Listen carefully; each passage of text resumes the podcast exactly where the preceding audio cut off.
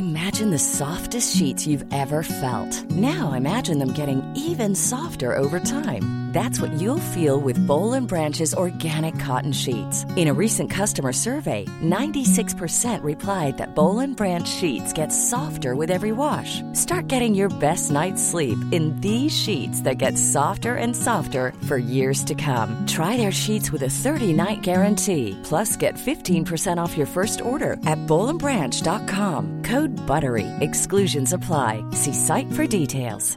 Cool fact a crocodile can't stick out its tongue. Also, you can get health insurance for a month or just under a year in some states. United Healthcare short term insurance plans, underwritten by Golden Rule Insurance Company, offer flexible, budget friendly coverage for you. Learn more at uh1.com.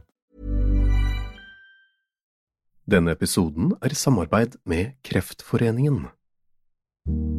Som fast giver til Kreftforeningen er du med på å skape håp og forandre liv. Og det både høres ut og er en stor ting. Men det trenger ikke å være en stor sum for deg. For prisen av bare en og en halv frossenpizza i måneden kan du bidra til forskning, behandling og hjelp til livet med kreft og livet etter kreft. Bare det utgjør en forskjell. Så gjør en forskjell. En og en halv frossenpizza. Du kan selvsagt gi mer hvis du vil, og du bestemmer selv om du gir månedlig, kvartalsvis eller halvårig. Ja, det hele er kjempefleksibelt. Det viktigste er at du som fast giver bidrar til at færre skal få kreft, og at flere skal overleve. Gå inn på kreftforeningen.no giver, eller klikk på lenken i episodebeskrivelsen. Som sagt, en og en halv frossenpizza. Bli fast giver hos Kreftforeningen i dag.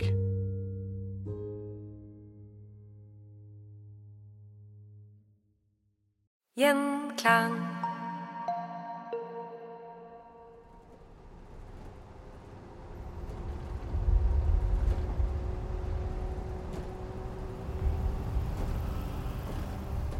I 1945 sitter 43 år gamle Odd i en buss på vei til Sverige. Med han sitter andre nordmenn som også har sluppet fri fra nazistenes konsentrasjonsleire ved hjelp av de hvite bussene.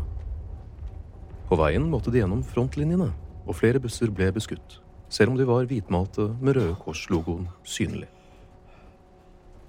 Over tre og et halvt år i fire ulike konsentrasjonsleirer har satt sine spor. Han ser mager og sliten ut, men han har overlevd. Han har dessuten med seg en dyrebar skatt, for gjennom hele fangetiden har han skrevet dagbok, og han har tegnet. Mens han var i Norge og satt på Grini, fikk han smuglet dagboken hjem til kona Kari på Lysaker. I Tyskland var ikke det mulig, men der så han en annen mulighet. Han gjemte papirarkene som dagboka var skrevet på, inni noen av fangekameratenes brødfjøler. Odd fikk laget seks slike fjøler, som kameratene tok med seg fra leiren. Denne dagboken ble senere utgitt og ble en av de viktigste kildene vi har til livet i en konsentrasjonsleir. Som leder for organisasjonen Nansen-hjelpen har Odd gjort mye for jøder på flukt fra nazistene. Men hvordan startet egentlig historien om Odd Nansen? Hvorfor brydde han seg så mye om mennesker som ble forfulgt? Hvordan ble han en helt? De aller fleste vet hvem fredsprisvinner og polfarer Fridtjof Nansen var. Færre kjenner til sønnen hans, Odd Nansen, som ble født i 1901 og levde frem til 1973. Men Odd Nansen gjorde en like stor innsats som sin far, historisk sett. Historien om han handler om en uredd mann som i svært vanskelige tider reddet mange jøder fra holocaust før andre verdenskrig, og som selv satt tre og et halvt år i tyske konsentrasjonsleire, og som resten av livet var en humanitær kjempe som fikk stor internasjonal betydning. Med oss for å snakke om Odd Nansen vi forfatter, frilansjournalist og foredragsholder Anne Ellingsen. Velkommen. Takk. Du har doktorgrad i sosialantropologi fra Universitetet i Oslo, og i 2015 ga du ut biografien Odd Nansen, arvtakeren. Og i år, 2023, kom Odds store kamp ut. Så Anne, hvem var Odd Nansen? Vi kan kanskje begynne med ja, familien. Det er jo en kjent familie, dette. Odd Nansen var eh, nest yngste sønn eh, i en søskenflokk på fem. Eh, foreldrene var Fridtjof Nansen og Eva Nansen, født Sars. Han kom jo da fra en veldig solid familie med embetsstand på begge sider med Altså, det var folk som var veldig vant til å både kunne mye, mene mye, ha innflytelse. han vokste opp i Lysaker-kretsen, som holdt Eller hadde Som, som samla seg på, på Polhøgda, som var da barndomshjemmet hans. Fridtjof Nansen. Det, ja. det, er så bra navn. Men det ja. da mellom Lysaker og Fornebu. Ja. Polhøgda. Ja. Polhøgda står der den dag i dag, og i dag holder Fridtjof Nansens institutt til i denne flotte majestetiske, slottsaktige bygningen med stor hage rundt og skog og eh, Det er bevart faktisk også, som, delvis som museum, selv om de har sin virksomhet der, da. Odds mor Eva var Norges fremste romansesangerinne, og hun opptrådte hadde svære huskonserter hjemme, og eh, opptrådte på Eh, for, for, kongen og dronningen i England. Mm. Eh, I deres slott. det var stil. Eh, hun var en pioner på veldig mange måter. Noe av grunnen til at Fridtjof Nansen falt for henne, var at hun var så god til å gå på ski. Hun var pioner for kvinner på ski. ja, ja. Og veldig frilynt var jo alle, eller begge disse her, de var selvstendig tenkende, og, og Odd lærte jo mye av det. Av foreldrene sine. Det å ta ansvar, det å tørre å stå for noe. Og så kan jeg jo bare nevne at eh, de som kanskje kunne konkurrert da i berømmelse på den tida der av ektepar, det var eh, Bjørnsons, mm. som var nære venner av familien, og de kongelige, som var nære venner av familien. Og Odd vokste jo opp med lille Olav som lekekamerat, og og så er det en sånn litt artig historie, syns jeg, som søsteren til Odd har fortalt da i en av bøkene sine, om at en gang så var kong Haakon på besøk, for han var jo veldig sånn barnekjær, kong Haakon. Så hadde han vært ute og lekt gjemsel med barna, da, på tunet der. Og så er det kongens tur til å stå. Men så plutselig så hører man Odds iltre røst. Da var han en liten unge, da. Du juksa, du! Han mente at kongen hadde sett seg om for tidlig, da. Ja, ja. Og det som er litt artig òg, er at eh, altså, Fridtjof Nansen satte jo pris på det. Han kunne jo være beinhard. Eh, mente jo sjøl stort sett at han hadde rett, og at alle andre tok feil. Eh, det var vel sånn han kom seg til Nordpolen, blant annet. Nesten. Ja. Men, eh, men, han var veldig glad for at sønnen hadde sine meningers mot, og det tok han med seg videre i livet, Odd. Hvordan var oppveksten hans?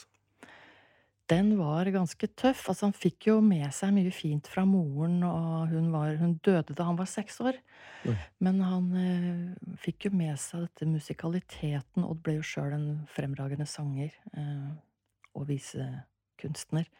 Men eh, han pleide å ligge oppe i annen på galleriet der sammen med søsknene sine og høre på når moren øvde før, før konserter og sånn. Så døde jo hun, og da ble barna satt bort til eh, venner av familien når faren var på reise. Og det var han veldig mye. Mm. Enten det var fordi han var eh, diplomat i England, eller fordi han var eh, i Ukraina, Sovjet. Han var veldig aktiv. Og i denne tiden så bodde da Odd Særlig var det viktig for han at han bodde hjemme hos Christian Laus Lange og hans familie på Vinneren. Fordi både Christian Laus Lange og Fridtjof Nansen var jo veldig engasjert i menneskerettighetsarbeid, internasjonal rett. Både Christian Laus Lange og Fridtjof Nansen fikk Nobels fredspris. Det vil si at Odd vokste opp hos to fredsprisvinnere. Det tror jeg er unikt. Det tror jeg er unikt, altså. Og til dags dato så er de to de eneste som har mottatt eh, Nobels fredspris på selvstendig grunnlag av nordmenn. Men på Polhøgda så var det temmelig strengt når Odd var, var der. Mm. Og han skrev jo senere i eh, selvbiografien sin Langs veien at uh, han hadde liksom alltid dårlig samvittighet. Han skjønte mm. ikke hvorfor faren gikk der som en sånn tordensky, nesten, eller var veldig stille og inneslutta. Skjønte ikke den gangen at faren hadde veldig mye bekymringer og løste verdensproblemene, kan du godt si, ikke sant? Ja, ja. Etter beste evne, da. Men det han skjønte, det var liksom at uh, det var liksom aldri bra nok, det han og, og, særlig broren gjorde, da. han, Fridtjof var veldig streng mot brødrene hans, eller mot, mot sønnene sine. Mildere mot jentene. Det der ser faktisk Odd ut til å ha videreført på sine barn også. Det er en annen side av historien. Men, men det var havregrøt med sur melk over og omsydde klær, for det skulle ikke brukes noe penger på fjas. Jeg fikk inntrykk av at, at, at Fridtjof Nansen han drev det hjemmet sitt nesten litt sånn som han drev disse skutene, altså, ja, ja. i isødet. Det var ikke noe unødig luksus, nei. En ting som slår meg, det er at uh, Nansen-familien hele veien har vært veldig fremtredende, men de har hatt en sånn indre justis på at de skulle ikke stikke seg fram. Mm. De fikk gnidd det inn i ryggmargen fra de var små, disse her at du skal ikke tro du er noe bedre enn andre fordi om du har det berømte Nansen-navnet. Og det med at uh, hans far var litt uh, ja, bekymret. Han hadde jo ganske mye på sine skuldre. Uh, det kom jo ganske tydelig frem for fire år etter første verdenskrig, i 1922. Da Odd var 21 år gammel, så var hans far Folkeforbundets høykommissær for, med ansvar da, for russiske flyktninger. Og de var det mange av. Etter den russiske borgerkrigen mottok Europa i 1921 en strøm av russiske flyktninger. Da Lenin samme år fratok alle eksilrussere statsborgerskap, ble rundt 800 000 mennesker plutselig statsløse. Samtidig endte oppløsningen av det osmanske riket i rundt 200 000 armenske flyktninger. Men Fridtjof Nansen da fikk en eh, god idé, Anne? Ja, han fikk mange gode ideer. og han gjennomførte veldig mange av dem. Det som vel har satt størst spor etter seg i dag, det er jo arbeidet for flyktninger i form av Nansen-passet. Eh, som er grunnlaget for eh, internasjonal håndtering av flyktningproblemet, eller av flyktninger i dag. Mm. Og mm, det var et slags nødspass som eh, ikke ga fulle rettigheter, men som hjalp flyktningene til et mer menneskeverdig liv. De kunne plutselig kunne de bevege seg, altså komme seg videre til et sted hvor de hadde en mulighet Trygghet. En trygg, til trygghet, til ja, men ga, jeg har skjønt at det, det, ga jo ikke fulle rettigheter. Det måtte fornyes hvert år osv. Men det betyr jo også at da var det litt lavere terskel for at landene ville godta det. Og der syns jeg det virker som at Fridtjof Nansen det er liksom typisk han. Han hadde vært flink til å få til sånne kompromisser, få det til å fungere. da. Og det Nansen-passet og denne ja, jobben skal vi da komme tilbake til. Men Odd, hva var Odds interesser? Hadde han ønsket han å følge i sin fars fotspor og bli polfarer? og... Altså, Odd var også en spreking. Eh, var med på fri, eh, lange turer med faren eh, på ski. Halsebrekkende turer og så videre. Men det var ikke det som var hans gebet. Men han ville Han var jo veldig kunstnerisk begavet, Odd, og hadde først tenkt at han kunne bli kunstner. Han hadde jo blant annet gått og tatt timer hos Erik Wernskjold, nærmeste nabo, som, og, som mente at han absolutt hadde evner. Og så forela han dette for sin far. Faren mente at uh, han burde nok velge noe som kunne gi han et levebrød, og som han kunne forsørge en familie på. Hva med å bli arkitekt? Og jeg har inntrykk av at det, det syns Odd var faktisk en veldig god idé. Og da kunne han tegne så mye han vil, ville uansett, ved ja. siden av. Og så dro han til NTH. Der fikk han både avstand til sin far, som det hadde vært ganske vanskelig var det et vanskelig forhold mellom far og sønn, rett og slett. Akkurat som Fridtjof hadde hatt et vanskelig forhold til sin far. Men øh, han kom til NTH, der fikk han stå på egne bein, boltre seg på i studentteatret. Han ble leder for Studentersamfunnet, lagde den kjente sangen Trondheim, Trondheim, att jeg reiste fra deg. Hjemme, trøndernes nasjonalsang. Blant andre Einar Rose mente jo at uh, Odd Nansen var så uh, et sånn så kom, stort komitalent at han gjerne kunne gått til scenen. Og de førte jo opp uh, ting her på Chat Noir som han hadde laget og sånn, da. Så ble han arkitekt, men med krisa på 20-tallet så var det svært vanskelig å få jobb som arkitekt. Endte med at etter at Odd hadde funnet sin elskede Kari, som han giftet seg med, og etter hvert fikk fire barn med, så dro de da til eh, New York. Bodde der i noen år, hvor eh, Odd Nansen eh, lærte seg å tegne flyplasser. Fikk en pris for det. blant Mm. annet. Og eh, returnerte da til Norge da Fridtjof Nansen skulle, lå for døden. Mm. Da hadde de to gjennom de siste årene fått et godt forhold, ikke minst på grunn av at Kari kom inn som en sånn, eh, en sånn eh, et sånt mellomledd der. Hun og Fridtjof de hadde jo veldig god tone. Og far og sønn snakket rett og slett ut om hvordan det hadde vært, da. Mm. Og han hadde jo ansvaret for utbyggingen av Fornebu flyplass, et kjempeprosjekt. Ved siden av det så hadde han ganske mange oppdrag rundt omkring i landet, og tegna alt fra hus og hytter til eh, etter hvert store industrianlegg. eh, Og det var det han så for seg han skulle drive med. I 1930 dør hans far Fridtjof. Og Odd fortsetter da som arkitekt, eller? Det gjør han. Han har noen lykkelige år som arkitekt, eh, familiefar. Mye turer på hytta, fjellet, og koser seg veldig med familien sin. De har da flytta inn på Polhøgda, hvor de blir boende til eh, etter krigen. Mm. Det er akkurat da krigen, for 1933 er det noe som, eh, noe som skjer. Da kommer Hitler til makta, og da forandrer alt seg for Odd og familien, og for hele verden. Eh, Odd kommer jo ganske tidlig med i eh, hjelpearbeid for jøder på flukt, for fra første stund så begynte nazistene å forfølge jødene. Han eh, kjente personer som, som var aktive i det arbeidet. Sigrid Helgesen Lund, Johan Scharfenberg, blant andre, og jobba tett med dem. Men etter hvert så ble det behov for et mer organisert arbeid.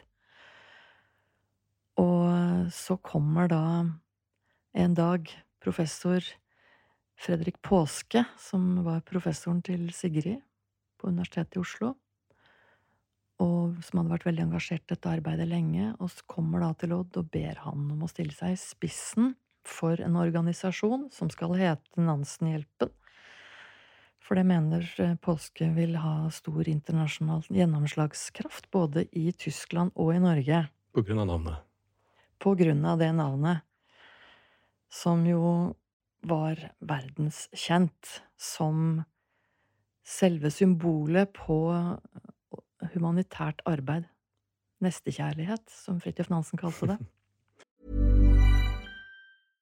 Imagine the softest sheets you've ever felt. Now imagine them getting even softer over time. That's what you'll feel with Bowl and Branch's organic cotton sheets. In a recent customer survey, 96% replied that Bowl and Branch sheets get softer with every wash. Start getting your best night's sleep in these sheets that get softer and softer for years to come. Try their sheets with a 30-night guarantee. Plus, get 15% off your first order at bowlandbranch.com. Code BUTTERY. Exclusions apply. See site for details.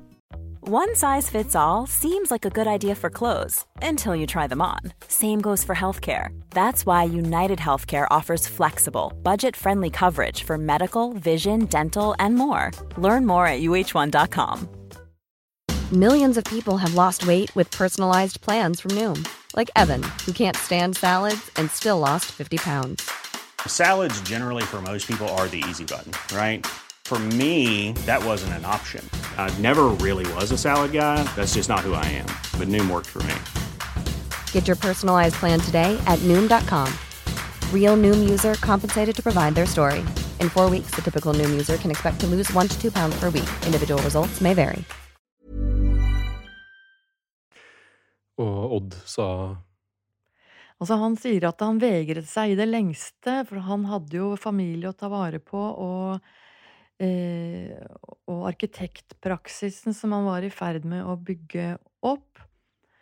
Men da fosterfar Christian Laus Lange og Halvdan Koht også kommer til han og ber han om å ta på seg den rollen som leder for Nansenhjelpen, så sier han ja. Han ville jo gjerne bidra. mm. Og det ble begynnelsen på hans livslange engasjement for eh, flyktninger og andre nødstilte. Mm. Det Nansenhjelpen gjorde, var etter å ha blitt dannet på Polhøgda i 1937, med blant andre kronprins Olav og Halvdan Koht som uh, deltakere, så Altså som, som gjester, så, så begynte de arbeidet uh, Et intenst arbeid for uh, flyktninger i Europa. Prøvde å, få folk, prøvde å få forfulgte til Norge. Det var veldig vanskelig, fordi det var så mye motstand fra norske myndigheter, fra fagforeningene, fra de fleste. Yes. Ehm, så de ga nesten opp. De fikk noen få, blant andre Leo Eitinger og Berthold Grünfeldt. Det er vel kanskje noen av de mest kjente som kom til Norge. Men de fleste som de klarte å redde, fikk de hjulpet over til andre land. Og der snakker vi liksom flere tusen. Eh, over til Polen, blant annet. Eh. Da hadde Odd og Kari reist på kontinentet under ofte farefulle forhold. Odd så jødeforfølgelsene på nært hold, sto midt i glasskårene, så brennende synagoger, rapporterte hjem, fikk som regel bare beskjed om at du overdriver, dette kan da ikke stemme. Og han sier også i selvbiografien sin at hadde jeg ikke sett det med mine egne øyne, så vet jeg ikke om jeg sjøl nesten hadde trodd på det heller, for det var så grotesk. Jødeforfølgelser altså midt i Europa og hele verden vet det, men lukker øynene, mente han da. De visste jo ikke da hva som skulle komme, hvor langt det skulle gå, men det var ikke vanskelig å vite at det var onde planer for jødene. For Tyskland skulle jo også da invadere Norge. Hva, hva gjør Odd da? Han går veldig raskt inn i motstandsbevegelsen, og eh, organiserer blant annet møte på Polhøgda med Johan Scharfenberg og flere andre fremtredende Eh, personer som han har tillit til, eh, vil motarbeide okkupantene. Da hadde han i lengre tid vært en åpen motstander av Quisling. Det han også gjør nå, er å rett og slett dra inn på kontoret til Vidkun Quisling og slå i bordet og si at nå holder du opp med å misbruke min fars navn, for NS og Vidkun Quisling fremstilte Quisling som den nye Fridtjof Nansen. Okay.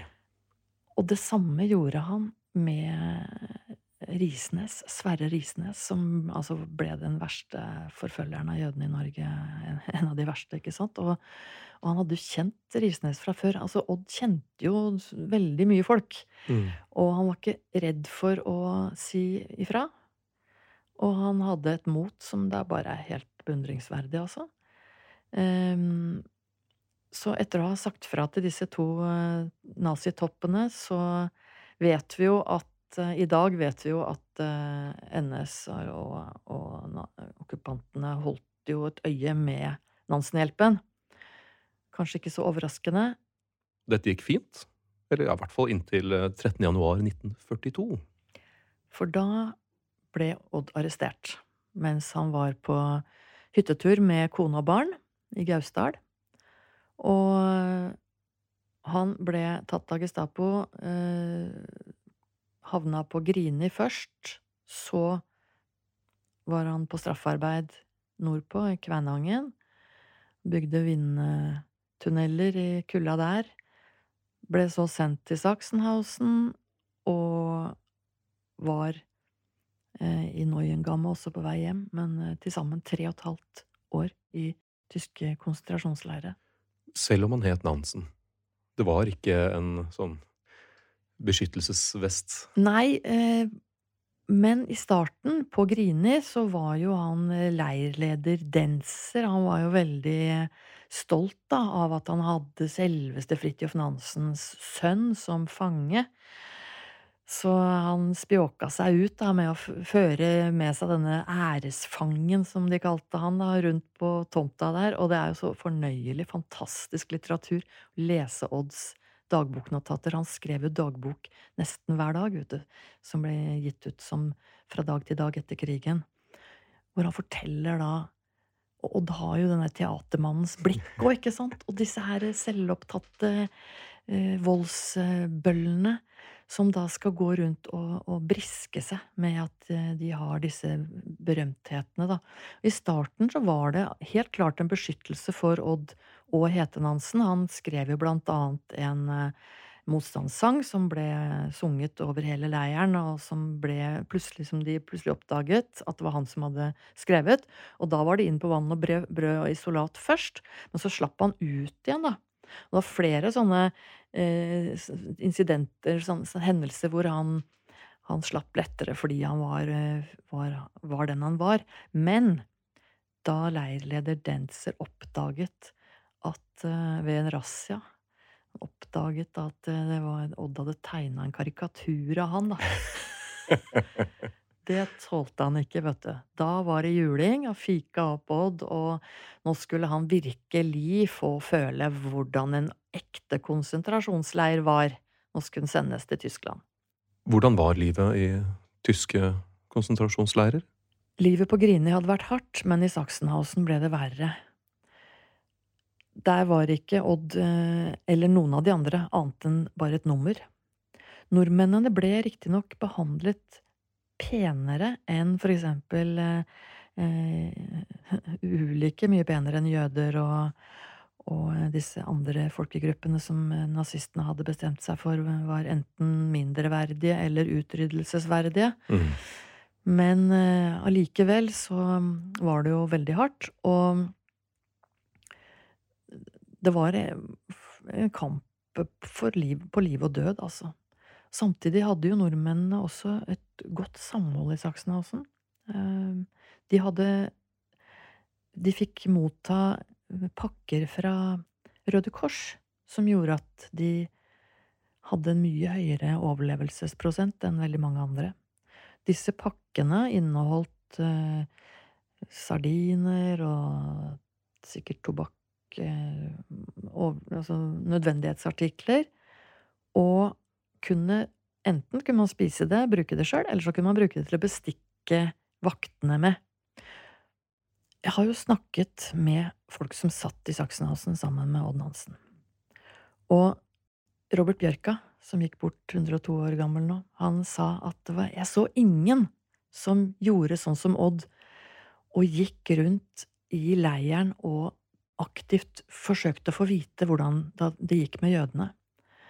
Han eh, oppførte seg som en slags oppsøkende journalist. Hmm. Og var en av de første som fikk vite hva som skjedde i konsentrasjonsleir Hva som skjedde i eh, Auschwitz i eh, utryddelses... Altså gassingen av jødene, skrev han om i dagbøkene sine. Han var jo helt fortvilet. Det han så Språket er sprengt, sier han. Jeg har selv sprengt det. Det er ikke mulig å beskrive det han opplever, egentlig. Ja. Men i en av konsentrasjonsleirene så ble han kjent med en liten gutt? Ja.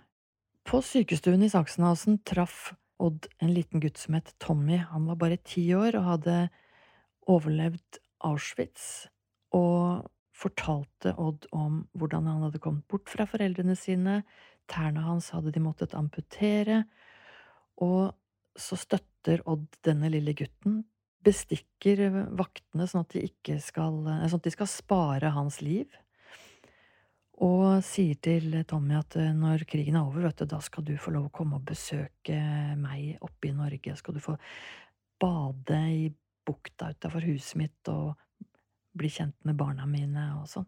Og så, så evakueres jo leiren, og Odd er nødt til å dra og forlate lille Tommy. Det syns han er helt forferdelig. Eh, men de finner hverandre igjen etter krigen. Det er en helt utrolig historie. Så ble Tommy en verdenskjent dommer. Han ble eh, dommer ved Den internasjonale domstolen i Haag, og en verdenskjent eh, forkjemper for menneskerettighetene. Han døde i forrige uke. Eh, altså Nå er vi jo i, nå er vi i juni 2023. Ja. Han døde 29. mai i år. 89 år gammel. Da hadde han fått familie. Han hadde vært med å gi ut Odd Nansens dagbøker på nytt i USA, skrevet forordet til det. Hm. Det er utrolig. Men etter uh, krigen, etter å ha sittet så lenge i uh, ulike konsentrasjonsleirer og sett, ja, som du sa, med egne øyne alt det forferdelige som menneskeheten hadde måttet gå gjennom, dette må jo ha gjort Odd bitter? Han var fed up av både nazisme og en del av de han hadde truffet av tyskere. Men han sa jo det at noen av de flotteste folka han hadde kjent, det var tyskere. Hm. Blant dem var eh, Willy Brandt, som han samarbeida tett med.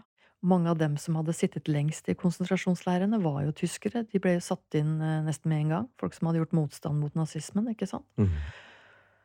Og jeg syns noe av det største ved Odd Nansen, som er så bra og viktig å ta med oss videre, det er det med å ikke bare la bitterhet og agg liksom få prege det man gjør videre. Han satte på en måte en strek, og så var han med å bygge opp det nye Tyskland.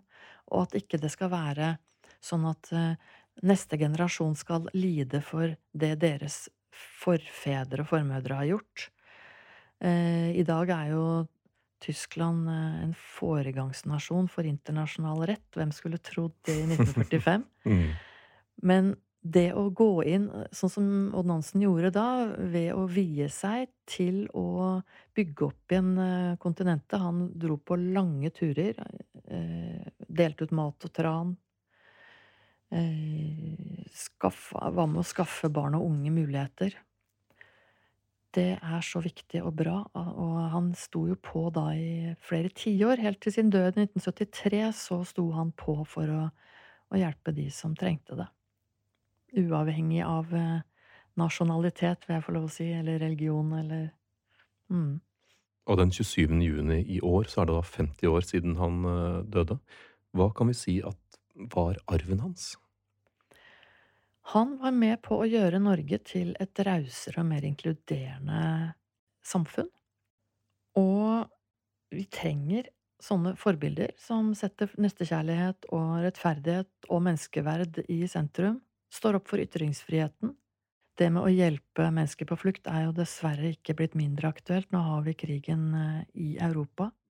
Jenny Dante, som var en av dem jeg snakket med i forbindelse med at jeg skrev boka om Odd Nansen, og som selv ble reddet over til eh, Sverige ved Nansenhjelpens hjelp, hun sier at Odd Nansen er veldig, er veldig underkjent i Norge. At han er vår Raoul Wallenberg.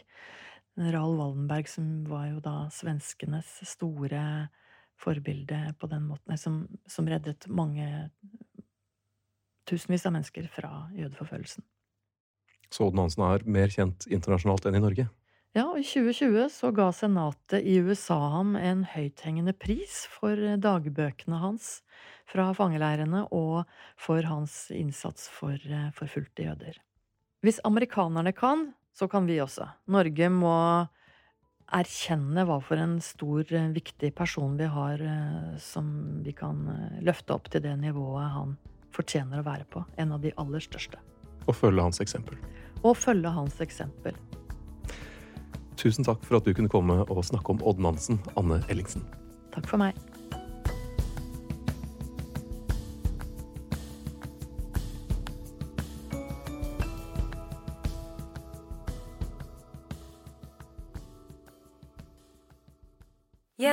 想。